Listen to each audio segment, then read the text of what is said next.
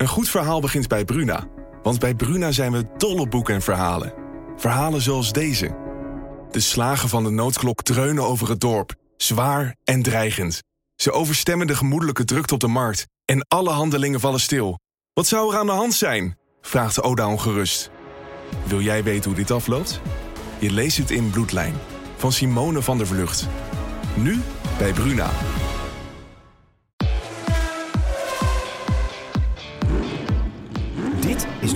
1-podcast van De Telegraaf. Erik van Haren en Christian Albers praten hierbij over het belangrijkste Formule 1-nieuws. Ja, goeiedag. Daar zijn we weer. Een nieuwe opname van de Formule 1-podcast van De Telegraaf. Ehm, Christian, gelijk even beginnen. Want twee weken geleden bij onze laatste podcast tot nu toe... toen was jij een beetje huiverig of de Grand Prix van Monaco doorgaat, eind mei. Alleen nu zijn ze... We nemen deze podcast op maandag 22 februari op. Maar nu zijn ze volgens mij vandaag begonnen met de, de opbouwwerkzaamheden. Maar uh, heb je al wat gezien? Nee, ik heb nog niks gezien, maar ik ben ook nog niet buiten geweest. Want het is nog een beetje vroeg hier zo. Um, maar het is ook zo raar altijd, hè? Want je wilt eigenlijk zeggen, ja, hey, goedemorgen Erik, ook uh, jou, of goedemiddag. Maar dat, ja, je weet natuurlijk nooit wanneer de, de luisteraars luisteren natuurlijk. Hè? Is het s'avonds, is het middags of de volgende dag? Um, maar ik heb ze nog niet gezien, uh, maar ik heb het wel vernomen. Jij vertelde me en ik, uh, en ik las het ook uh, ergens dat ze, dat ze toch gaan opbouwen. Ja, ik, ik vind het nog steeds raar in deze tijd, want maar ja, misschien denken ze wel van ja, straks komt het, straks, is wel, uh, straks zijn er wel meer mensen ingeënt en hebben vaccinatie gekregen en, en, en trekt het straks bij met de regels. Maar ja, ik, ik vind het nog allemaal een beetje te snel gaan, eerlijk gezegd. Ja, ze moeten bij jullie natuurlijk vroeg beginnen met die, ehm, omdat ja, ja, die hele stap moet worden opgebroken. Het is natuurlijk niet alleen voor de Formule 1, het is ook voor de historische Grand Prix eind april. En dan heb je nog de Formule E uh, begin mei. En dan pas eind mei heb je de Formule 1. Maar ik ben heel benieuwd. Maar het is in ieder geval een teken dat ze, dat ze in ieder geval op dit moment nog uh, van plan zijn om het allemaal door te laten gaan. Uh, dus, ja, maar, maar Erik, weet je wat het rare ervan is? In Monaco hebben we maar acht bedden op het intensive care. Acht bedden, want we hebben maar 38.000 inwoners. In totaal acht bedden? Ja, op de intensive care. Okay. het ziekenhuis heeft natuurlijk meerdere bedden, maar ja. de intensive care heeft acht bedden. Dus ja. uh, je kan je wel voorstellen natuurlijk als je een evenement hebt zoals het nu geregeld is in Monaco, is dat wij wel, uh, het, het, het, het, diner is al afgeschaft. Hè. We konden nog wel twee weken, drie weken geleden wat ik vertelde, kon je wel nog avondeten. nu is het eigenlijk alleen maar de lunch. Mm. Maar je moet wel laten zien dat je hier ook echt woont in Monaco. Dan of, of, een, of werkt, hè, een werkvergunning hebt. Uh, dan mag je een restaurant in, want die cultuur bij ons is natuurlijk uh, anders in Monaco als dat in Nederland is. In Nederland neemt iedereen nog wel eens een boterhammetje mee. Want trouwens, eigenlijk, die cultuur heb ik ook nog steeds. Dat vind ik eigenlijk lekkerder, moet ik eerlijk zeggen. Speel je dat dan wel zelf of doet je vrouw dat? Dit is ook zo'n zo, zo gemene opmerking voor jou. Zo laag. Ja, kan toch? Oh, dit kan je echt niet maken, dit. Dit is zo lullig. Hoezo? Nou ja, ik ga, er, ik ga er geen antwoord op geven. Oh. Maar in ieder geval, om terug te komen... Um, Um, ik pak je nog wel terug, don't worry. Um, om terug te komen, dus je, je, je kan alleen maar lunchen dus als je uh, uh, hier woonachtig bent in Monaco of je, uh, je werkt hier. dus ik zou, ik zou niet weten hoe ze dat gaan doen ehm, met, een, um, met, de, met de Formule 1 race. Want ja, dan wil je zeggen dat eigenlijk over twee maanden ja, ja, dikke twee maanden. Want volgens mij is het uh, eind april, toch? Staat het nu in de planning? Ja, eind mei. In plaats van mei? Eind mei. Oh, toch eind mei. Oké, okay, ja. ik hoorde in één keer gisteren... Oh, man, wat ik hoorde op de radio. Ja, oké, okay, dan betekent dat in een kleine drie maanden... en, en het vliegt ook echt heel snel... Uh, dat eigenlijk alles open moet kunnen gaan. Hè? Dus dat alle hotels, dat alle gasten er kunnen zijn... maar die kunnen dan... Ja, dan, dan zou dat iedereen toch wel moeten kunnen eten natuurlijk in restaurants. Want, ja, hoe, ja. Nou ja, ja, gewoon in de hotels of, en op het circuit. Dat hebben ze ook bij andere races gedaan. Um, waar, waar alles dicht was. Ja, maar wil je dan rijden zonder publiek? Ja, dat is in Monaco. Ja, dat lijkt me haast niet te doen. Alleen ja, dat, ik, op dit moment kan ik me niet voorstellen dat er bij de eerste pakweg 8, 9 races van het seizoen, dus voor de zomerstop, dat er, dat er publiek is. Maar ja, ik weet het niet. Ja, maar, maar het, is, het probleem is in Monaco is dat we niet zoveel, uh, niet zoveel grond hebben als je ruimte hebben nee. als in andere landen. Dus ja, weet je, zouden al die teams komen, dan is het allemaal zo op elkaar. Ja, en, en dan hè, komen we eigenlijk terug. Het is zo link, want stel je ervoor nou dat iemand uh, corona zou krijgen en, en, en het valt slecht als het ware. Hè, je krijgt, ik bedoel, acht bedden is natuurlijk niks. Dus ja, ik, ik zou echt niet weten hoe ze dat gaan doen. Nee. Nee, nou ja, wordt, uh, wordt vervolgd. We zien dat de wereld in een paar maanden... Ja, het is moeilijk vooruit te plannen. En ik kan me echt... Ja, er staan 23 races gepland. je moet natuurlijk niet gek van opkijken als er nog dingen veranderen. Uh, Portugal is nu wel ingevuld, de derde race van het seizoen, 2 mei. Nou ja, in Portugal gaat het ook heel slecht met de cijfers op dit moment. Dus uh, ook wel weer opvallend. Hè? Vorig jaar is daar ook geraced in Portimao. En dat was eigenlijk de drugsbezochte race met 27.000 fans op de zondag. Hè? Dat was eigenlijk de enige race van het seizoen dat ik in de file stond naar het circuit. Dus, maar goed, laten we maar eens afwachten hoe het, gaat. Ik denk dat de seizoen start 28 maart in Bahrein. En de test daar twee weken daarvoor, dat dat wel aardig zeker is op dit moment. Uh, laten we nog heel even, Chris, uh, met jouw goedkeuring uh, praten over de, ja, eigenlijk het belangrijkste nieuws van de afgelopen weken. Wat er natuurlijk al lang aan zat te komen, waar ook al veel over gezegd en geschreven is, ook door ons. Um, dat is toch de bevriezing van het, uh, van het reglement van de motoren vanaf 2022 tot en met 2024. Hè. 2025 moeten dan nieuwe motoren komen. Was natuurlijk een wens van Red Bull dat de technologie van Honda gaat overnemen na, na dit jaar, want Honda stapt daaruit. Nu lees ik heel veel verhalen, ehm, of veel mensen willen gelijk conclusies lezen. Uh, dat het geweldig nieuws is voor Red Bull, dat het geweldig nieuws is voor Max Verstappen. Uh, ik heb zoiets van, ik moet het allemaal nog zien. Want je kan dat nog heel ja, je kan die conclusie eigenlijk nog niet trekken. Um, hoe zie jij dat? Ik ben het met je eens. Um, uh, aan de ene kant denkt Red Bull nu van, oké, dit is super. Hè? We hebben iedereen aan onze kant, want het is een engine freeze. dus we kunnen niet verder, we kunnen geen achterstand oplopen meer. Hè? Die, dat de rest gaat doorontwikkelen. En die kosten zijn natuurlijk significant hoog. Ja. Uh, om te blijven ontwikkelen. Die motoren kosten super veel geld. Er zijn super veel mensen in dienst. En uh, dat is een never ending budget. Hè? De, de, de, dat, blijft, dat blijf je in door investeren. Maar aan de andere kant, stel je nou voor dat Honda dit jaar geen uh, goede motor hebt. Waar ik waar ik eigenlijk denk dat ze wel een goede motor hebben, moet ik eerlijk zeggen. Want ik vond eigenlijk vorig jaar het gat al eigenlijk best wel klein tussen Mercedes en Honda. Ik, eh, eerlijk gezegd lag het meer aan het chassis van Red Bull als dat aan de, aan de motor lag. Um, ja, als ze het niet voor elkaar hebben dit jaar, dan hebben ze toch ook wel weer een serieus probleem. En dan gaan ze weer huilen natuurlijk uh, dat, uh, dat ze wel iets uh, graag zouden willen ontwikkelen. dat ze verder willen ontwikkelen. Ja, ja. De, de motoren Rebel. Ja. Um, dus het, het, blijft, dit is het mooie van Formule 1 het blijft altijd onvoorspelbaar. Het is hetzelfde is dat vandaag of morgen eh, de eerste race bijvoorbeeld een McLaren een auto op het circuit kan zetten, wat gewoon geniaal snel is. En dan heb je in één keer McLaren die vooraan meerijdt. Uh, het kan ook dat Mercedes gewoon, hè, al de, de basis van de Mercedes-auto is zo goed, hè, dat je daar eigenlijk veel minder aan hoeft te ontwikkelen. Hè, een veel kleinere stap hoeft te maken als de rest van het veld. Dus ja, je, maar je weet niet waar het naartoe gaat. Dat kan, dat kan, we hebben het zo vaak over gehad. Het kan dus blijkbaar gewoon zijn dat er straks wel een team is dat er gewoon een, een super samenwerking heeft. Ja. En een, en een super goede flow over de auto krijgt met downforce. Ja, dat ze in één keer ervoor in meerijden. En dat is wat, waar we eigenlijk op hopen. Ja, en Renault en Ferrari bijvoorbeeld komen ook met een hele nieuwe motor. En ik merk ook bij Renault, dat hoor ik in ieder geval van... Uh, van wat Franse collega's dat die echt al de focus hebben gelegd op 2022. Dus echt motor, volgend jaar eh, even uitleggend. Dit jaar uh, mag je natuurlijk nog met een nieuwe motor komen. En volgend jaar dus ook nog, hè, voor volgend seizoen. En daarna mag je drie jaar niet meer ontwikkelen. Of drie seizoenen. Uh, maar ja, je kan ja, misschien even een Alpine volgend jaar met die Renault motor. Hè, en we krijgen natuurlijk volgend jaar hele nieuwe auto's. Dat die er in één keer uh, veel beter voor staan. En dat is allemaal nog in de sterren geschreven. Dus je kan wel uh, nu allerlei hoge verwachtingen hebben. Maar dat is allemaal nog afwachten. Maar wat ik belangrijk vind, of goed om even te vermelden, is dat in die vergadering waar, waar is afgesproken, oké, die engine freeze, hè, die motorenbevriezing, die komt. Hè. Er is niet afgesproken dat er een soort Ehm, zoals we wel vaak in de autosport hebben gezien, een soort balance of performance komt. Dus stel, Mercedes heeft eh, vanaf volgend jaar nog verreweg de beste motor. Ja, dan ga je dat gat dus niet inlopen volgens de huidige regels. Misschien wordt er nog wel iets ingevoerd, dat weet je natuurlijk niet. Alleen dat lijkt me dus wel uh, iets om, om even aan te stippen. Dat bijvoorbeeld, stel, Red Bull heeft een veel mindere motor dan, ik noem een Mercedes of een Ferrari. Dan heb je dus drie jaar lang een enorme achterstand wat dat betreft. Ja, klopt. Dat kan in ieder geval in theorie.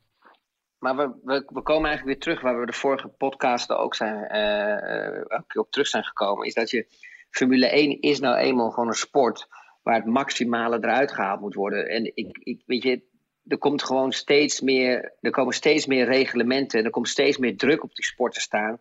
Wat ik denk niet goed is. Want je wilt juist, Formule 1 is altijd alles tunen tot het uiterste. dus probeer de beste kleur te krijgen, maar probeer de beste motor te krijgen, probeer het beste chassis te krijgen de beste downforce pakketten. En dat wordt steeds meer, er komt daar druk tegen te staan. En, en, en aan de ene kant zeg je, oké, ik ben akkoord met één of twee jaar, drie jaar nu, met, in deze gekke tijd dat we leven, met corona. Maar dan moet het eigenlijk wel weer ophouden. Want Formule 1 is eigenlijk van de historie altijd geweest dat je alles tot het maximale kan ontwikkelen. Ja. ja. En dat is de sport. En dat is het mooie ervan. Dat is het gevecht tussen de teams. Het zijn ook teamsports. Het is niet alleen aan de coureur, het is juist het hele team eromheen. Er werken zoveel mensen in die fabrieken. Die, hebben, die moeten ook eh, de kans hebben om ook een gevecht te kunnen winnen van een ander team. Ja. En natuurlijk spelen daar altijd budgetten mee rol, waar, waar je altijd terugkomt met mensen zeggen: ja, maar het is niet eerlijk, want Mercedes heeft meer budget en Ferrari heeft meer budget. Ja, maar dat heb je ook met voetbal, dat heb je met elke sport in de wereld. Bijna elke sport in de wereld heb je de betere teams en de mindere teams. En, en dat krijg je nooit weg. Maar als een, als een slechte team één keer de, de kans heeft om goed te kunnen presteren, dan kan je ook zo zien eigenlijk dat ze voorin mee kunnen rijden. Kijk, kijk dat naar, naar Williams. Ik bedoel, Williams was vroeger een, een superieur team. Ja. En op een gegeven moment hadden ze het niet meer voor elkaar. Je ziet hoe snel het kan gaan. In één keer, boef, hè, rijden ze achteraan. Ja, maar en McLaren dus in keer... mate natuurlijk ook. Ja, maar als je dus eigenlijk zou focussen uh, als team zijn, en dat begrijp ik nou nooit, weet je wel, is dat ze nooit de tijd willen nemen. Een team wat achteraan rijdt of in het middenveld rijdt, de, de tijd en, en het geld willen investeren in een proces van twee jaar, drie jaar, om daar mhm. die jonge talenten in te scouten als het ware. En die ook de kans te kunnen geven om een auto echt te gaan ontwikkelen. En dan, want dat was vroeger wel het geval. Ik bedoel, Edio Newey was vroeger ook geen, uh, geen oude man. Nee. Die is nu een stukje ouder geworden, maar met alle respect, hij was ook jong. En heeft ook de kans gekregen. En dat merk je steeds vaker, dat ze echt op zekerheid gaan. He, nou, echt naar die oude garde continu weer terughalen. Ja. Maar ze moeten juist het jonge talent laten komen en daar proberen iets omheen te bouwen. Net zoals Ferrari, wat heb je te verliezen? Pak een nieuw team, zet één goede master erbij en, en leid een, een nieuw team op uh, qua aerodynamics en, ja. en, en, en motorengineers. En ga dan verder de stappen maken. Ja, is misschien een beetje angst. En uh, stel dat ze de angst voor als ze een nieuwe weg inslaan dat, en het, het loopt 5, 6, 7 races, de eerste race van het seizoen niet goed, dat ze dan uh, misschien toch in paniek raken. Hè? Dat is toch vaak een, een terugkerend fenomeen. Uh, en even terugkomend op, op Red Bull. Ik, ik denk wel dat het een, een logische stap is dat ze dit doen. Hè? Dat ze niet terug willen naar de status van, van klantenteam. Hè? Helmoet Marco noemde het ook een, een gewaagde, gewaagde zet, maar wel een logische zet. Maar uh, ja, zij, zij, dreigt eigenlijk min of meer in die onderhandelingen natuurlijk ook van... Uh, als, als dit niet gaat gebeuren, die, die bevriezing, dan, dan stappen wij uit de sport met twee teams. Hè, Red Bull en uh, Tauri. Dan denk ik ook wel een beetje, is dat dan... ik weet niet of dat dan heel serieus wordt genomen. Dat mensen denken van, gaan ze dat echt doen? Of de, dacht jij dat het een serieuze optie was? Nou ja, die optie hebben ze natuurlijk altijd. Want ik bedoel, Mattesiets en Helmut Marco kunnen beslissen wat ze willen.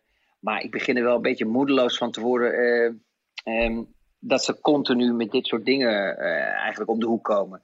Weet je, ik, ik, ja, ik, vind, ik vind het eigenlijk niet passen. Uh, um, kijk, dat je zoiets hebt met Ferrari, zou ik zeggen: oké, okay, dat is echt een historie, weet je wel. Dat is gewoon, dat heeft Formule 1 groot gemaakt, Ferrari. Ja. En, dat, dat, en, en vergis je niet dat Formule 1 is ook eigenlijk een beetje Ferrari. En dat klinkt heel raar en, en er zou ook best wel veel mensen op hun tenen gaan staan. Uh, maar het is Ferrari is Formule 1 en Formule 1 is Ferrari.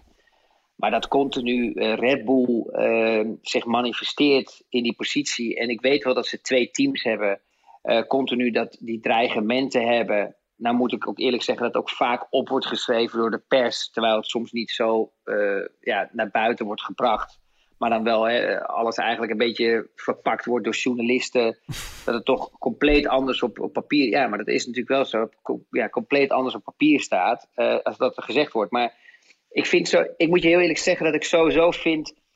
Als je gaat kijken naar Red Bull, maar dat is mijn opinie. Uh, het zal wel niet van, van, van andere mensen zijn, misschien, maar wel. Nee, maar daarom uh, zitten we hier. Ja, ja dat, ik, dat ik een beetje. Ik ben een beetje moe van geworden. Van dat Red Bull. Weet je, het, was vroeger helemaal stoer en cool. Ja. Weet je wel, om een beetje zo hip en trendy en social media. Nou ben ik ook, volgens mij ook een beetje een oude man aan het worden. Maar Klopt. het moest allemaal gaver dan gaver dan gaafst. Uh, het moest allemaal wild en het moest allemaal, weet je wel, het moet allemaal excentriek en heel speciaal zijn. En, en, en, Mhm. en eh, flitsend en snelheid. Maar eigenlijk, als je er, als je er nu ja, heel rustig van een afstandje naar gaat kijken, zijn ze super ongeorganiseerd. Het is echt, als je dat vergelijkt met een team zoals Mercedes Ja. of de andere Formule 1 teams, vind ik ze eigenlijk ge- ja, niet echt georganiseerd. Nou, ik, ik, ik vind dat je dat vooral merkt. Ik snap wel wat je bedoelt, denk ik. eh, dat je dat in de communicatie naar buitenuit eh, wel merkt. Eh, zij, zij kiezen ervoor eigenlijk dat alleen de coureurs en de teambaas wat zeggen. Alleen dan zie je toch vaak dat Helmoet Marko doet, is eigenlijk wat dat betreft een ongeleid projectiel. Hè? Die, die zegt wat hij wil. Dat is ook wel heel leuk, Ja. vind ik. Alleen, ja, zo'n Christian Horner bijvoorbeeld ook, om een voorbeeld te geven. eh, vorige week maandag werd dan, maakte Red Bull dan zelf bekend dat ze die technologie van Honda overnemen. Hè? Wat, eh, wat natuurlijk iedereen al wist. Alleen dan is er later is er een media moment van Christian Horner, de teambaas, met alleen de Engelse media, met een paar bevriende journalisten van hem. En dan zegt hij dus eh, dat Max Verstappen bovenaan het verlanglijstje van Mercedes staat en dat Verstappen inderdaad na dit jaar zou kunnen vertrekken door een clausule in zijn contract. Nou, dat schreven, schreven wij al in oktober vorig jaar. Alleen toen was de eerste reactie van meneer Horner dat er helemaal geen clausule in zijn contract stond. Dat hij gewoon na 2021 zeker vast zat bij Red Bull. Dan denk ik, waar is dat nou voor nodig? Want Helmoet Marko zei diezelfde dag eh, dat die clausule er wel zat. Dus waarom spreken ze elkaar zo tegen? En eh, ik denk dat het voor Horner soms ook wel pijnlijk duidelijk wordt. eh, dat iedereen inmiddels wel weet dat hij eigenlijk niks te vertellen heeft. In ieder geval wat de grote lijnen betreft. Dat dat echt, zoals jij net al goed zei, in handen ligt van meneer Marco en meneer Matasic. Komt een beetje amateuristisch over, laat ik het zo zeggen. Ja, maar we, we ik moet ook wel oppassen elke keer wat ik zeg. Terwijl eigenlijk we deze podcast hebben gemaakt dat we gewoon alles kunnen zeggen. Want, maar ik zie steeds vaker dat alles over wordt genomen. Want ik bedoel, van voor twee weken geleden wat ik over Lewis Hamilton eh, zei. Dat zie je overal weer terugkomen. Zowel in Italië, Spanje. Iedereen neemt het over. Blijkbaar eh, wordt het geschreven of vertaald. Ik heb geen flauw idee. Maar overal staat mijn koppen. Want ze vinden het natuurlijk leuk om, eh, om te kunnen hakken. Ja, Dus dat is, niet, dat is niet altijd echt leuk. Want als je het hele verhaal hoort, dan vind ik het eigenlijk best wel soms subtiel en, en het is niet keihard. Ehm, ja maar het wordt natuurlijk vertaald gelijk. op een verkeerde manier soms. Ja, ze pakken altijd de koppen eruit natuurlijk, wat niet eerlijk is. Ehm, en als je dan, ja, ze maken toch een beetje stiekem hun eigen verhaal. Maar oké, Ja, het maakt niet uit. Ehm, eh, je hebt gelijk. Ik vind Christian Horner, ja, Christian Horner heeft eigenlijk gewoon, ja, niet echt, eh, niet echt superveel te zeggen natuurlijk. Het is toch echt eh, eigenlijk Helmut Marco die, die het meeste te zeggen heeft. Maar net wat je zegt, het is ook niet leuk naar jou toe. dat je eerst liegt. En je, je komt ook dan niet goed over, om heel eerlijk te zijn. Ja, ik, vind, het, ik vind het heel slecht van hem. Ja, Ja, nou wat ja, wil je erover, dat ik erover zeg? Je weet het. je- eigenlijk, ja. a- a- eigenlijk heeft, ik vraag me nog wel eens af of hij of die wel het contract heeft van, van Max Verstappen. ik denk het niet eens, Ja, eerlijk nee. gezegd. Of dat hij het überhaupt Maar- heeft gelezen. Ja, maar hij moet, ik denk dat hij vooral heel blij moet zijn dat hij zo'n coureur in, eh, in bezit, of in bezit, het is niet zijn bezit, maar dat hij die binnenboord heeft. Want die maakt natuurlijk dat team en dat doet niet teambaas Christian Horner, maar dat doet eh, Max Verstappen de laatste jaren. Maar eh, wat jij net zei vind ik wel interessant om even op door te gaan. Jij zei van die mooie, geweldige filmpjes van Red Bull, dat doen ze natuurlijk nog steeds. Hè? Red Bull is wat dat betreft wel richting het publiek willen ze natuurlijk een beetje zo overkomen. Maar dat hele rock en roll gehalte in de Formule 1, dat, dat hoort toch een beetje bij Formule 1. En dat je coureurs, dat zijn toch stoere mannen normaal gesproken. Eh, hè, een beetje, eh, ja, af en toe niet echt politiek correct. Maar dat verandert nu natuurlijk wel een beetje met deze tijd. Was het in jouw tijd anders? Kon je toen, eh, waren er toen meer van die, van de, van die bad, eh, bad boys, zeg maar? Of, of, of is dat niet echt veranderd in pakweg 15 jaar? Nou ja, wat, wat me opvalt is dat Red Bull valt op omdat ze dat soort dingen doen. Maar eigenlijk deden heel veel Formule 1 teams dat vroeger. Alleen dat is helemaal weggevallen. Ik bedoel, kijk naar Ferrari met Michael Schumacher, dat ze op de skipiste waren. Ja. Dat ze aan het skiën waren, dat soort dingen waren coole dingen. Je ziet dat nooit meer terugkomen bij Ferrari. Eh, kijk, eh, to- toen ik bij Minardi ging rijden in 2005, dat ik door gewoon eh, over het Rembrandtsplein reed met de Formule 1 auto. Dat was de eerste keer, ook gelijk de laatste keer ooit dat de Formule 1 auto door het midden van de stad kon rijden. Ehm, nou, dat waren echt gave dingen. En op een gegeven moment zag je dat Red Bull daarvan ging kopiëren ook. Hè. Dan gingen ze ook allemaal van die, in, in, in die steden allemaal rijden om te promoten. Hè. Eigenlijk is dat allemaal ook overgenomen door Bavaria City Racing. Ja. En daar hebben ze dus eigenlijk alles van gekopieerd.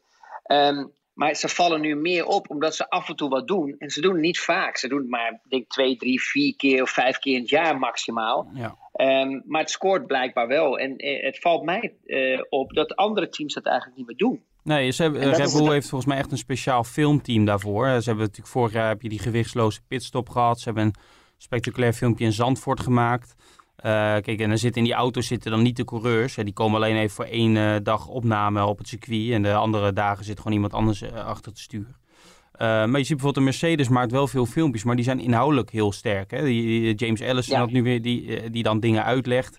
Um, dat gaat meer op de inhoud. En Red Bull doet het meer om um, ja, dat karakter van de sport, dat rock en roll gehalte, waar, waar, ik zelf eigenlijk wel van hou. Alleen je moet eigenlijk een soort combinatie zien te vinden. Maar ook qua coureurs en zo. Uh, nu wordt natuurlijk eigenlijk op alle slakken wordt zout gelegd, hè, wat een coureur zegt. En de een heeft daar meer scheid aan dan de ander. Of maling aan. Uh, maar hoe was het in jouw tijd? Was, was het toen meer, nog een beetje ook in de paddock en zo? Was dat meer nog wat meer rock en roll, als je snapt wat ik bedoel? Ja, ja, ik vond dat teams meer deden om aandacht te krijgen voor sponsoren. En nou is de enige die dat eigenlijk doet, is, um, is Red Bull. Want ik bedoel, bij Jordan was het ook altijd schreeuwen om aandacht en allerlei dingen en pitpoesen. Ja, nou, tegenwoordig, eh, ja, dat komt misschien ook door dat hele social media. Ja. Uh, dat, dat iedereen bang is, weet je wel, dat ze, ja, dat ze de deksel op hun neus weer krijgen. Eh, dat je, eh, die pitpushers worden allemaal afgeschaft. Uh, en dan heb je Red Bull natuurlijk als enige dat een, een merk is. Natuurlijk dat altijd iets excentriek, altijd wilt opvallen. Dat die dat misschien dan wel blijven doen. Maar als ik terugkom, ja, weet je, dat is zelfs met interviews. We hebben het zelf ook wel eens over gehad. Ik denk dat je blij mag zijn dat Max Verstappen daar rijdt. Want jij kan het in ieder geval nog goed vinden met Max. En, en ik denk dat, dat het ook te maken heeft met een stukje emotie. Maar je weet zelf ook, daar hebben we het ook wel eens over. Als je dan eh, na een race en het is niet zo, uh, zo goed verlopen, dan is er gewoon niemand van Red Bull te vinden. En dan vind ik bij de andere teams dat er gewoon veel meer professionaliteit is. Ja. En het is niks te nadelen van Max, want ik denk dat Max het gewoon uh, super goed doet. En ik denk ook dat, dat het ook de beste plek is op dit moment voor Max waar hij kan zitten. Want bij Mercedes is nog geen optie, dus hij kan wel gewoon meestrijden. Maar ik denk dat, dat ze toch wel eens een keer nog wel, weet je wel, op een, ja, op een achterhoofd kunnen krabben om gewoon eens even te kijken of ze die structuur weer een beetje uh, professioneler kunnen maken, waardoor het uh, ja, iets meer geoliede machine gaat lopen. En, en ik vond, ik, ik, ik stoorde me vroeger altijd daaraan, is dat je Dr. Marco wat roept en een Christian Horner iets roept, maar dat gewoon lijnrecht tegenover elkaar staat. Ja, dan denk ik bij mezelf, ja, dan is daar gewoon absoluut geen communicatie. Nee. En je mag toch wel eigenlijk een beetje communicatie verwachten als zo'n team gerund wordt met bijna duizend mensen en uh, drie, wat, drie, 400 miljoen eh, euro budget. Ja, ja, nee, helemaal eens. En kijk, wat je over Max zegt, dat, daar ben ik het ook mee eens. Kijk, kijk, daar moet je heel blij mee zijn dat het geen grijze muis is. En dat hij ook bij, bij kritiek, uh, uh, zaken van kritiek, hè, vorig, jaar, vorig jaar hebben we gezien dat hij even in heat of the moment het woord Mongool noemde. Als je dan ziet hoe zo'n instituut van Mongolen, of nou, ik zeg het waarschijnlijk verkeerd, maar iets in die trant, hoe, hoe vaak die dan de aandacht proberen te, op te eisen. En hij heeft daar gewoon maling aan door, door, daar gewoon te zeggen van ja oké, ik had het niet moeten zeggen, maar hij verandert er niet door. Als je bijvoorbeeld vergelijkt met een leeftijdsgenoot als Charles Leclerc bij Ferrari, die wordt bijgestaan door de, door de zoon van Jean Todt. Ja, dat is gewoon een hele saaie gozer in ieder geval naar buiten uit. Die zegt nooit iets leuks of interessants. Nu snap ik ook wel dat, dat het allemaal op, op het circuit moet gebeuren. Maar het hoort wel bij de Formule 1 dat dat, dat soort types te zijn. Hè? Kijk, je kan over Hamilton ook zeggen wat je wil. Dat is wel een extravagant type. Um, ja, eh, maar ik praat het ook niet goed, hè, eh, wat Max heeft gezegd hè, met Mongool. Nee, maar het is maar een voorbeeld. maar... nee, nee, maar je kan het ook niet, je kan het niet gebruiken. Maar laten, laten we, als we heel eerlijk zijn en heel realistisch, tien jaar geleden ja, had niemand er wat over gezegd, denk ik. Nee, maar misschien vijf jaar geleden al niet. Alleen, kijk, wat ik ja. ermee bedoel te zeggen, los van dat voorbeeld, is dat hij uh, wel inziet soms dat hij iets niet goed doet, maar dat hij zich niet, dat hij niet hele, zijn hele karakter of dat hij zich helemaal inhoudt. Natuurlijk zegt hij af en toe niet. Hij zegt echt niet altijd wat hij, wat hij vindt of denkt. Dat kan, uh, dat kan niet. Dat kan geen één sporter doen. Je hebt ook contractuele zaken. Alleen hij, hij is wel eerlijk en, uh, en recht door zee. En, en dat een Leclerc of een Bottas of. Het, ja, daar komt vaak niks uit. Kijk, dat bedoel ik ermee te zeggen. Dat, dat moet iedereen voor zichzelf weten. Alleen het... Maar Erik, dat komt ook een beetje door de opvoeding. Sorry dat je het in de reden van, maar dat komt ook door opvoeding. Ik, kan wel, ik, ik herinner me nog wel in mijn tijd, was het ook gewoon not done. Uh, om gewoon uh, zelf naar buiten te treden en om dingen te zeggen. Dat, dat, dat, dat, dat, werd, dat werd eigenlijk in mijn opvoeding met Mercedes. Weet je, gewoon helemaal getraind als het ware. Qua, weet je wat je zegt, ik, ik kon nooit wat fout zeggen. Als ik nu kijk naar de coureurs van vandaag daar ben ik bijna jaloers op. Want die flapperen gewoon alles uit. In mijn tijd was het echt dat je gewoon wel tien keer moest nadenken voordat je iets zei. Weet je wel? Dat het, of het wel echt kon. Of je team niet uh, uh, afviel. Want er stond, je had allemaal contractueel allemaal verplichtingen erin staan. En clausules dat je nooit het team mocht afvallen, dat soort dingen. Dus je moest eigenlijk tien keer over nadenken voordat je iets met de camera eruit flopte. En die tijd is gewoon compleet omgedraaid. Nu zie je dat de coureurs eigenlijk veel meer power hebben als dat, je, als dat ik in, vroeger had. Ja. Ja, dus de coureur heeft meer Max macht, is natuurlijk anders opgegroeid. Ja, maar Max is ook anders opgegroeid. Hè? Max is opgegroeid met Jos. Dat zijn, Jos en Max zijn eigenlijk ook wel gewoon echte straatvechters. Hè? Dat zijn gewoon beukers. En, en, en Jos heeft gewoon alles gedaan om, om, om, om Max erin te krijgen. Hè? Het, is het laatste budget wat hij had. En, en die laten zich niet tegenspreken. En als je gaat kijken bijvoorbeeld naar een opleiding van uh, Leclerc, die zat in een heel ander milieu. Ja. Dat is compleet anders. Weet je, die, die groeit op onder de art. Daar zit toch wat meer. Uh, ja, uh, hoe zeg je dat? Daar wordt meer begeleiding in gegeven. Dat is meer terughoudend. Ja. En, en dan bij Ferrari, weet je wel, je hebt daar toch te maken met een mega brand. Dat kan je niet vergelijken met een Red Bull. Mercedes, Ferrari kan je niet vergelijken met Red Bull. Red Bull is gewoon, oké, laten we wild doen. Des te gekker we doen, des te mooier en fantastisch is het. Want alles is nieuws. Ook al is het negatief of positief, het interesseert ze niks. Maar bij die andere teams moeten ze wel echt denken om de brand. En ja, daar, daar, daar moet wel even over nagedacht worden voordat je iets er echt zeg maar uitgooit. ja, en daarom klopt het ook helemaal dat Verstappen eigenlijk perfect bij Red Bull past en Red Bull bij Verstappen. Dus uh, daar, daar ben ik het helemaal mee eens. En, en, en het is gewoon zo um, dat, dat die anderen een beetje vastgeroest zitten in iets wat ze gewend zijn. En daar is ook niets mis mee. Alleen, uh, ik ben blij dat, dat je ook niet, dat je niet 20 eenheidsworsten hebt, zeg maar. Uh, maar dat, dat, geldt, dat geldt niet alleen voor de Formule 1, dat is ook voor deze... Uh, maar dat, maar, dat is voor alle sporten. Zo. Maar Erik, maar ik vind Max ook, als je naar Max kijkt, twee, drie jaar geleden, of je kijkt naar Max vandaag, mm -hmm. heeft hij ook gewoon een stap gemaakt Tuurlijk. van uh, 60, 70 procent naar uh, professionaliteit. En natuurlijk, het komt ook omdat hij ook meegaat in zijn leeftijd. Maar als je ja. Max nu ziet, hoe hij in zijn interviews zich gedraagt en hoe professioneel die is geworden en volwassen die is geworden. En natuurlijk gooit hij nog af en toe wat rebels eruit. Dat zit gewoon in Max Verstappen, in de, in de aard van het beestje. Alleen je ziet wel dat hij vaker eventjes één stapje terug doet, even ja. rustig denkt. Ja. En, dan, en, dan, gaat hij, en dan gaat hij, begint hij te praten. Dus ja, ook Max groeit eigenlijk hè, in, in, in, in, in zijn carrière. Ja, helemaal eens. Uh, en kreeg jij destijds ook toen je Formule 1-coureur was, of daarna misschien juist, ook, uh, dat, dat is nu natuurlijk ook veel. Je ziet veel BN'ers, maar ook sporters in, in televisieprogramma's. Kreeg je ook veel aanbiedingen voor uh, televisieprogramma's om mee te doen? Wanneer? Toen ik in de Formule 1 ja, zat? bijvoorbeeld, of, of, juist daarna. Nou, nu denk ik niet meer, maar... nee, ja, nee, ik kreeg ja, superveel natuurlijk. Alleen de vraag was natuurlijk tot hoe ver kan je iets doen? Hè, waar gaat het je pijn doet in, in je carrière? Waar, weet je, waar ligt je focus? En mijn focus was natuurlijk altijd op proberen gewoon het maximale resultaat te halen, de prestaties.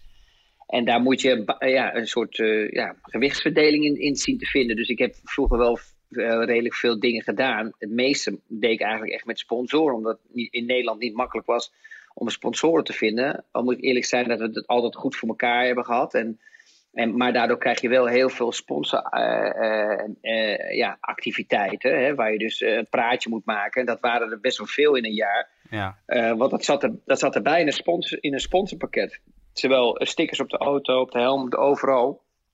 Als praatjes maken bij sponsors en openingen. En dat, dat vergde wel veel tijd. En, dat, en dan, dan snoep je dagen weer weg van, van het trainen, gewoon hè, fysiek ook, met, met, je, met je trainer samen. Dat, dat, soort, ja, dat, dat komt wel eigenlijk een beetje druk op je, op je, op je, ja, op je carrière. En dat, en dan merk je dat ze in die, in die jaren daarna dat wel meer onder controle hebben gekregen, dat die jongens wat minder hoeven te doen. Ja, ja, maar heb je ook dingen op tv gedaan dat je, waar je later spijt van had in, die, in je racecarrière of stond je overal wel achter?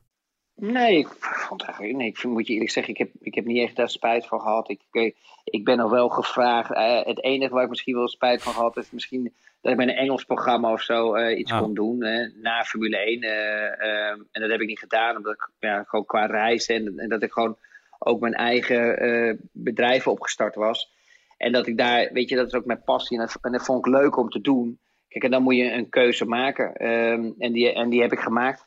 Oké. Okay. Nee, ik, ik had verwacht dat je iets zou noemen nu. Uh, nee, van, nee, nee. Ik mag niet meer voor jou en van, van mijn vrouw. Ik mag dat niet meer zeggen allemaal, dus ik doe het niet. Nee, nee, ik bedoel, uh, ik bedoelde eigenlijk iets anders. Eind 2005. Maar Weet je Ah, dan? Dancing with the Stars Ja. of zo. Ja, dat vind je leuk. Ja, dat vind je Julie. leuk. Ja. Eind 2005 werd hij met danspartner Niet Julie. Fryer vijfde in een nieuwjaarsspecial van Dancing with the Stars.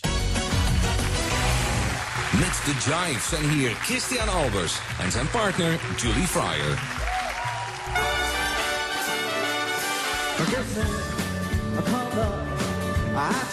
Christian, je hebt eh chassés laten zien, kickball change, Lindy Hop zelfs, eh, zelfs op het eind. Wat ik even een, een heel klein kritiek puntje vind... dat je constant alles over je hiel naar voren deed. En dat vond ik even een beetje jammer. Met, met gas geven ook. Dus, hè. De hiel geven zo gas. Hij is niet anders gewend. Nee, kan niet. Nou, ik vond het in ieder geval fantastisch. Ik zie dat eh, Michael Schumacher nog niet zo gauw doen. Was dat één uitzending? Ja, dat was zo'n eh kerstmis, eh was kerstuitzending. dat, kerst, Ja, ja, ja, ja, ja, klopt. Het was zo leuk om te doen, moet ik eerlijk zeggen. Oh. Want ik ben, ik ben namelijk helemaal niet zo'n danser. En ik Eh, had, maar dat zie je verder niet op die beelden. Volgens mij had ik de helft van de helft dansles als, als, als de rest. En ik deed eigenlijk, ik, vond het best wel leuk om te doen, moet ik eerlijk zeggen. Maar als ik het terugzie op, op de televisie, vind ik het echt afschuwelijk. Ja, ik heb wel eens momenten, zeker in die coronaperiode, dat ik me een beetje down voel of zo, of echt slecht. En als ik dan, dat, pak je dat filmpje. dat pak dat filmpje erbij, jongen, dan kan ik de hele wereld weer aan, joh. Dat is echt geweldig. Maar eh, ik zie dat je, je het jaar daarna ben je pas getrouwd. Dus misschien was het ook een beetje een voorbode op je, op je dans bij je huwelijk dan. Ja, dat deed ik ook de Jive. De Jive was het toch? Het heet toch Jive? Ja, volgens mij heet het de Jive, ja. Nou, ik kan iedereen aanraden. Ik heb voor, twee weken geleden de documentaire over Spiker aangeraden op YouTube. Nou, ik kan u eh, verzekeren dat deze beelden ook nog op YouTube staan. Dus eh, kijk en verwonder, zou ik zeggen.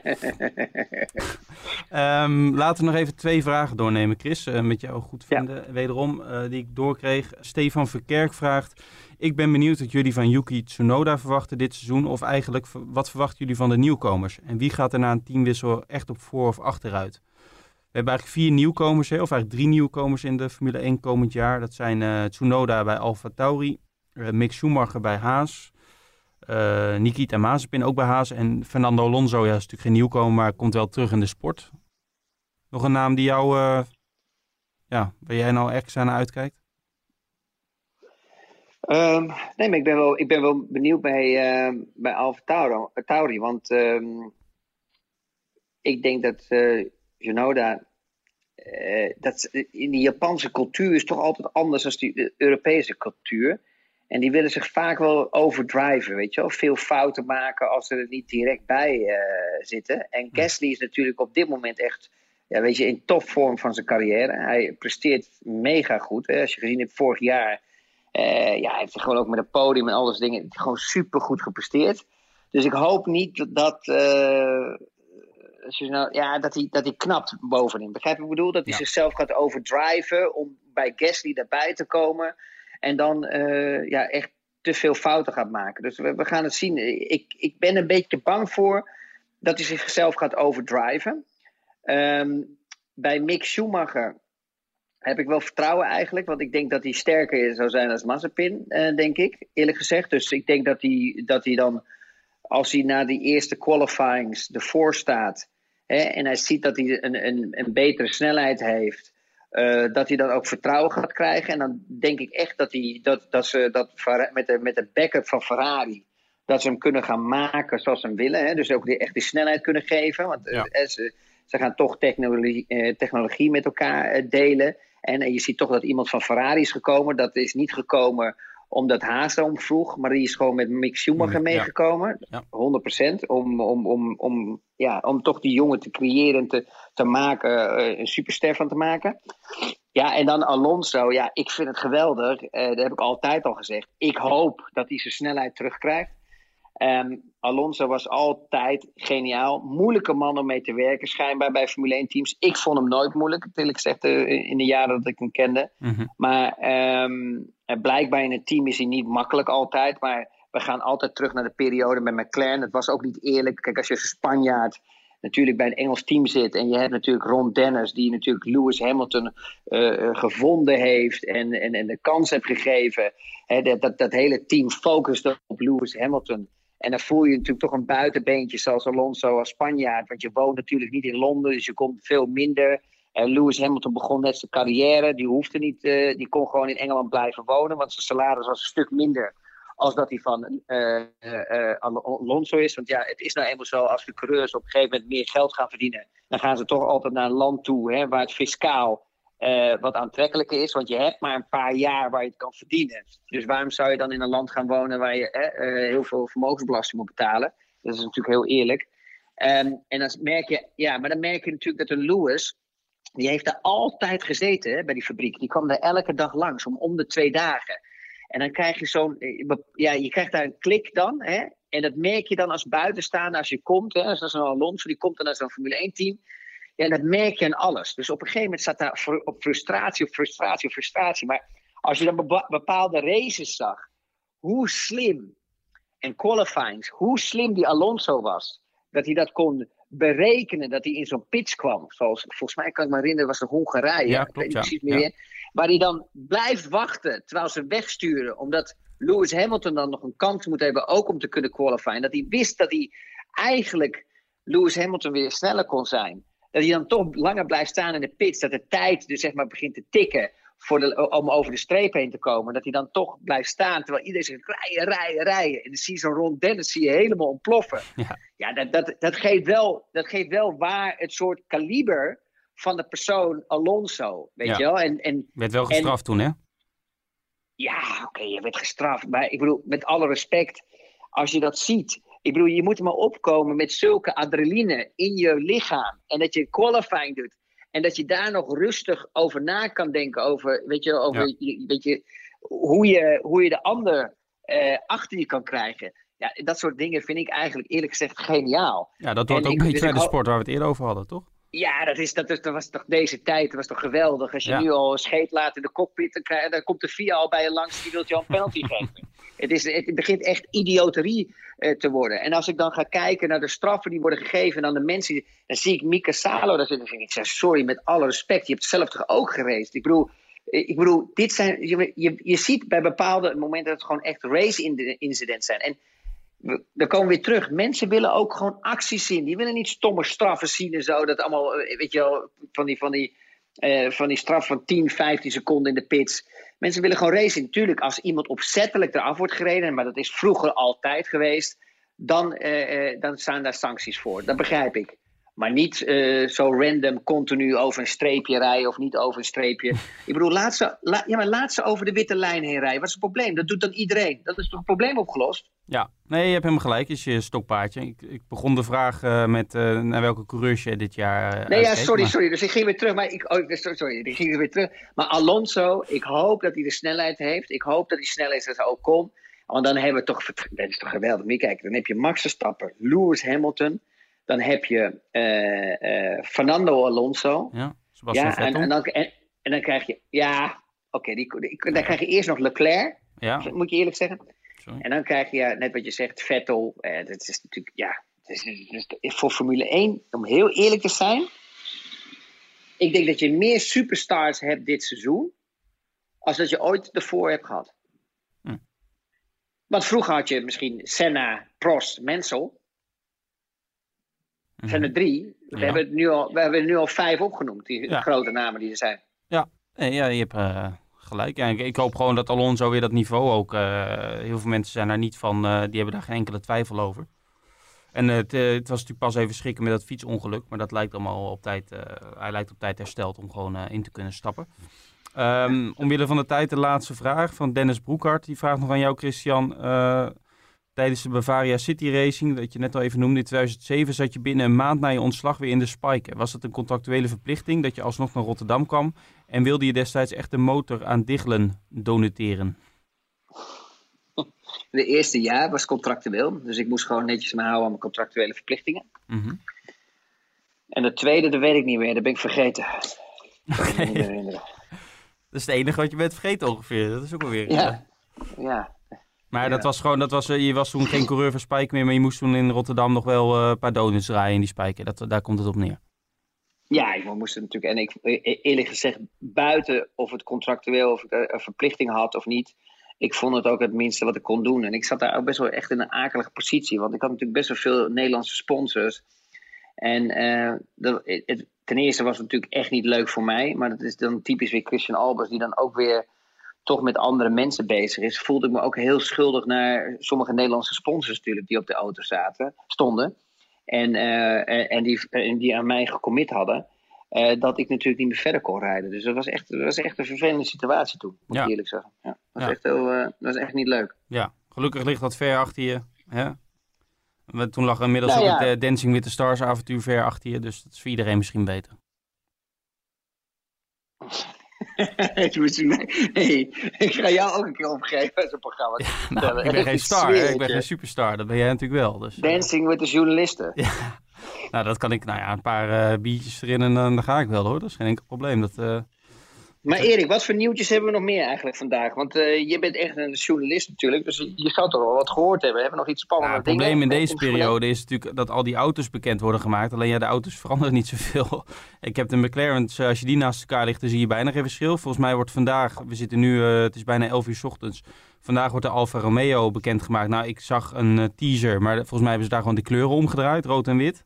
Ehm, morgen, dinsdag, wordt de Red Bull, de RB16B, eh, bekend eh, gemaakt. Ja, Red Bull heeft ook nog wel eens dat ze dan een hele andere kleur erop gooien. En dan bij de test eh, gewoon de vertrouwde kleur erop gooien. Ja, het, eer- eerlijk gezegd boeit het me niet zo. Het boeit dat me allemaal niet zo heel erg. Ik ben gewoon benieuwd hoe die auto's er in real life uitzien half maart in Bahrein. Ja, ik vind het altijd wel leuk, moet ik eerlijk zeggen. Ik vind altijd wel, dit vind ik altijd wel een moment om te zien van oké, vroeger was het echt cool. Toen, toen wist je echt niet wat je kon verwachten. Maar ik denk dat nu McLaren met dezelfde auto komt. Nou, Ferrari hebben altijd wel een beetje hetzelfde. Dat, we- dat weten we natuurlijk. Dan- krijg je alleen wat combinaties van het wit en het rood wat gecombineerd Aston wordt. Martin ben ik wel heel benieuwd naar, moet ik zeggen. Dat is natuurlijk een heel eh, andere kleur waarschijnlijk. Waarschijnlijk groen en... eh, eh, we, Ja. we kennen natuurlijk die, die roze Racing Point. Daar ben ik wel heel benieuwd Ja. naar, moet ik zeggen. Dat vind ik wel leuk. En, en kijk, bij McLaren ben ik gewoon meer benieuwd hoe die auto is eh, met die Mercedes motor. Ja, dan kun je op de plaatjes niet zien. Maar gewoon hoe snel die is. Ja, dat, daar draait het om natuurlijk. Ja, ja, dat klopt ja. En wa- wat denk je eigenlijk van Leclerc en, en eh, Sainz? Ja, ik ben best wel een fan van Sainz. Alleen ik ben heel benieuwd hoe hij zich daar in dat, in, in dat grote team eh, daar gaat, gaat ontwikkelen. Alleen ik vond hem voor, ja, zeker twee jaar geleden vond ik hem heel sterk. Afgelopen seizoen had hij best wel pech, maar zie je toch in de, in de, in de tweede helft van het seizoen dat hij zich wel weer eh daarboven aan het stuwen was. Ja, ik ben best wel, eh, ik ben, ik, ja, bij Leclerc, eh, ik, ik ken jouw gedachten daarover en ik, ik, ik volg jou daarin wel. Ik vind het altijd nog een beetje lastig om te zeggen hoe goed hij is. En ik ben wel heel benieuwd of Sainz hem wat meer pijn kan doen dan, dan Vettel heeft kunnen doen. Want we zagen toch bij Vettel, zeker het laatste seizoen, dat dat toch wel een ja, hele neergaande spiraal was. Daar ben ik wel heel benieuwd naar, naar, die, die twee, zeg maar. Dat, dat hele ook politieke spel eromheen. Ferrari heeft toch best wel gezegd dat Leclerc is onze toekomst. Hè? Een heel eh, dik en eh, lang contract gegeven. Dus ik ben benieuwd hoe hij zich daar... eh, want hij zal zich toch niet willen neerleggen bij een tweede coureurschap. Of denk jij dat hij die rol wel op zich neemt? Ik denk, nee, dat, dat, dat geloof ik niet graag. Dat is niet, niet snel, eerlijk gezegd. Maar ik, dat we, ik denk wel dat we een geweldige parameter gaan krijgen. Want we, gaan straks zien natuurlijk wat Sainz in vergelijkenis met eh, Leclerc gaat doen. We hebben het vroeger al gehad in, eh, bij eh Alfa Tauri. ehm, dat we eh, Max Vers- Verstappen hadden en Sainz. Dus we weten dat die eigenlijk ook wel redelijk dicht bij elkaar lagen. Dus ik ben wel heel erg benieuwd hoe dat gaat uitpakken. Ik denk eerlijk gezegd dat eh, Leclerc misschien in het begin in qualifyings sterker zou zijn. Maar ik denk dat aan qua race pace dat eh Sainz nog wel eens de verrassing kan zijn. Ja, ja dat, zeker aan het begin van het seizoen denk ik wel dat Sainz wel even moeite heeft om aan te haken. Dat is gewoon een gevoel, maar dat hij dan naarmate het seizoen voordat wel eh, echt de strijd aan kan gaan. En ehm, om er nog één te noemen dan, Perez bij Red Bull. Ja, dat kan nog wel eens een verrassing zijn. Nu moet hij het laten zien, hè?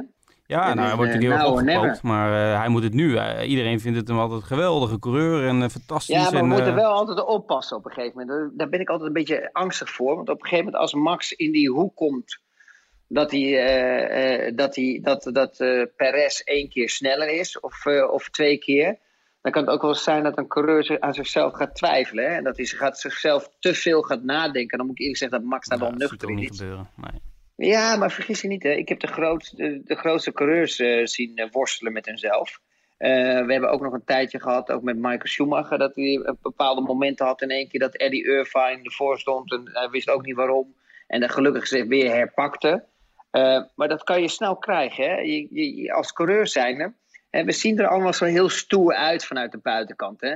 En we doen altijd of dat ons helemaal niks interesseert en wij zijn de stoerste en alles laat ons koud. Mhm. Maar dat is niet waar. In ons kopie blijft gaan dat we de snelste willen zijn. En in ons kopie blijft ronddraaien waarom het niet lukt. En waarom ik niet de snelste was. En dan ga je jezelf over, je overthinking, weet je. Dat soort situaties ga je krijgen. En dan krijg je zelf, weet je, dat je jezelf gaat overdriven. Wat gebeurt als je overdrive? Dat betekent dus dat je te snel de bocht ingaat als dat de auto aan kan. En te snel op het gas. En dan, op, dan heb je van die momenten, eh, eh, eh, van die momentopnames, dat, dat je dus gewoon niet zo goed presteert. En, en dan denk je altijd dat het misschien wel de setup is en dat de auto dat het net even niet ligt. Maar dat kan ook wel eens vaak ook de coureur zelf zijn. Dus je moet, je moet wel oppassen met dat soort dingen. We, we blijven wel allemaal mensen. Ja. We zijn geen robotten. Je hebt gezien wat een ongelooflijk slecht seizoen eh, Vettel heeft gehad. Ik geloof niet dat Vettel van e- de ene dag op de andere dag het verleerd is. Eh, dus, dus er waren twee factoren eh, die er konden zijn. Of de auto lag hem dus echt niet. Hè, en hij houdt van een auto die een klein beetje onderstuur heeft. Eh, maar we weten allemaal dat soms met een setup een auto die een klein beetje overstuur heeft qua rondetijd sneller is. Nou, als ze naar, naar, naar dat concept zijn gegaan richting Leclerc, ja, dan, dan zie je dus wat een moeite eigenlijk Vettel heeft gehad. Maar als dan ook nog eens erbij komt dat hij dus één keer verslagen is door Leclerc, ja, dan maak je jezelf en gek in je hoofd. Hè? Dus je gaat zelf je, erover nadenken, je blijft te veel nadenken. En aan de andere kant heb je een auto die je niet ligt. Ja, weet je wel, dan word je dubbel gestraft. Ja. Ja, en ik denk over Max uh, gesproken. Uh, hij weet natuurlijk, uh, hij is natuurlijk ouder, volwassener geworden. En hij weet ook hoe het is. Hè? Hij heeft natuurlijk met Ricciardo, zeker aan het begin, ook natuurlijk felle, felle strijd gehad. En met, met, oh, oh, oh, oh. maar wacht even, daar was Max wel de underdog, hè? Moeten we wel even voorzichtig zijn. En met hè? Sainz dan in het eerste jaar? Waren ze dat allebei niet, de underdog? Maar, dat, maar, dat, maar ja, daar waren twee jonge, jonge twee, honden. twee rookies, ja. Ja, en ik vond dat ze best wel. Ik bedoel, je zag dat Max daar de overhand had qua race speed, hè? Maar je zag dat ook in de qualifying, die twee best wel gewaagd aan elkaar waren. Nou vind ik dat Mhm. Max meer gegroeid is in het proces qua qualifying. Max Ja. heeft echt dat qualifying echt onder de hand, eh, echt, die heeft het echt, ja, ja. die heeft echt ja, onder de knie gekregen dat hij, dat hij gewoon echt eh, superieur snel is. Maar als je dan gaat kijken eh, naar Sainz, hè, die is eigenlijk een, zo blijven ja, in, die, in, die, in die scène gebleven eigenlijk. Een beetje die struggle af en toe, af en toe niet, af en toe wel. Ehm, maar ik vind, eh, je, moet het wel, je moet er wel mee oppassen altijd. Want een coureur die kan best wel eens een keer gewoon soms zijn jaar hebben en soms niet zijn jaar hebben. Ehm, maar eh, in die tijd waren het echt twee jonge honden die daar met tegen elkaar streden. En bij, toen, hij naar, eh, toen hij naar Red Bull ging, ja, toen was, toen was hij natuurlijk de underdog. Ja, maar hij is natuurlijk Dus wel... dat is minder dat- druk. Daar heb je gelijk in. Alleen is hem natuurlijk op een gegeven moment wel voorbij gestreefd. En je moet ook niet vergeten dat Max in, in 2017 dus en eh, ook heel veel motorische problemen ge- heeft gehad. En in 2018 ook heel veel kritiek heeft gekregen aan het begin van het seizoen. Toen hij een paar fouten maakte. Dat hij de hele wereld over hem heen kwam. En dat hij zich daar ook weer heeft uitgereden. hè en dat hij toen Ricciardo Ja, helemaal aan, aan, 100%. aan gort heeft gereden. Ja, dus hij, hij, hij heeft al wel aangetoond dat hij met tegenslag om kan gaan. Het is niet dat het allemaal eh Hosanna is geweest in de Formule 1 carrière van, eh, van Max Verstappen. Ja, maar ja, oké, je hebt gelijk. Oh. Schrijf het op, 22 februari. Ik is gelijk de eerste keer dit. Ik weet niet hoeveelste aflevering dit is. Je mij gelijk Nee, maar- Eh, waarschijnlijk, Nee, maar, maar, nee, maar het, is, het is gewoon zo. Je hebt daar gelijk in. Dus hij, hij komt er toch elke keer weer uit. Eh, en hij, eh, ja, hij schudt het toch van zich af en pakt het dan weer op. Eh, blijkbaar kan hij daar goed mee omgaan. En dan, ik denk dat het ook, dat ook te maken heeft met zijn talent. Dus hij heeft niet alleen het natuurtalent ehm, eh, in, het, in het rijden, maar ook toch het snel de problemen toch van zich afschudden. Nou, lijkt me een mooie afsluiting. Laten we over twee weken weer contact hebben. We kunnen buiten de uitzending of de podcast om wel contact hebben. Ik weet dat jij het liever niet hebt, maar soms eh, probeer ik het nog even bij je. Ehm, ja, over twee weken, dat is, lijkt me weer een mooi moment. Dan eh, vlak voordat ik eh, naar Bahrein ga voor de, voor de wintertest. En dan kunnen we daarop kijken hoe het, hoe het er dan voor staat. Dan zijn eigenlijk ook alle auto's ge- gepresenteerd, of bijna alle auto's. Dus lijkt me weer een mooi moment om bij te praten. En misschien kun jij nog even een handje uitsteken om mee te helpen in Monaco bij die opbouwwerkzaamheden van het circuit. Want ik kom er graag weer een keer terug. Ja, dan, dan gaat het echt hard, hè? Als ik, als ik mijn mouwen opstroop. Ja, nou ja, goed. En anders kun je nog een dansje wagen met, eh, met de bouwvakkers, hè? je weet het niet. Misschien kun je ze nog... als, je, je begrijpt natuurlijk wel dat als die eh, Grand Prix doorgaat, ja, dat jij met kleren al de, de zee in valt. hè? ja dat nou, weet dat je, is hè? bij deze eh, afgesproken. Dat, is geen Dat begrijp je, probleem. Ja, nee, daar geef ik je gelijk in. Chris, bedankt voor je tijd weer. Was weer, was weer gezellig. Eh, en u bedankt voor het luisteren en tot, tot de volgende keer.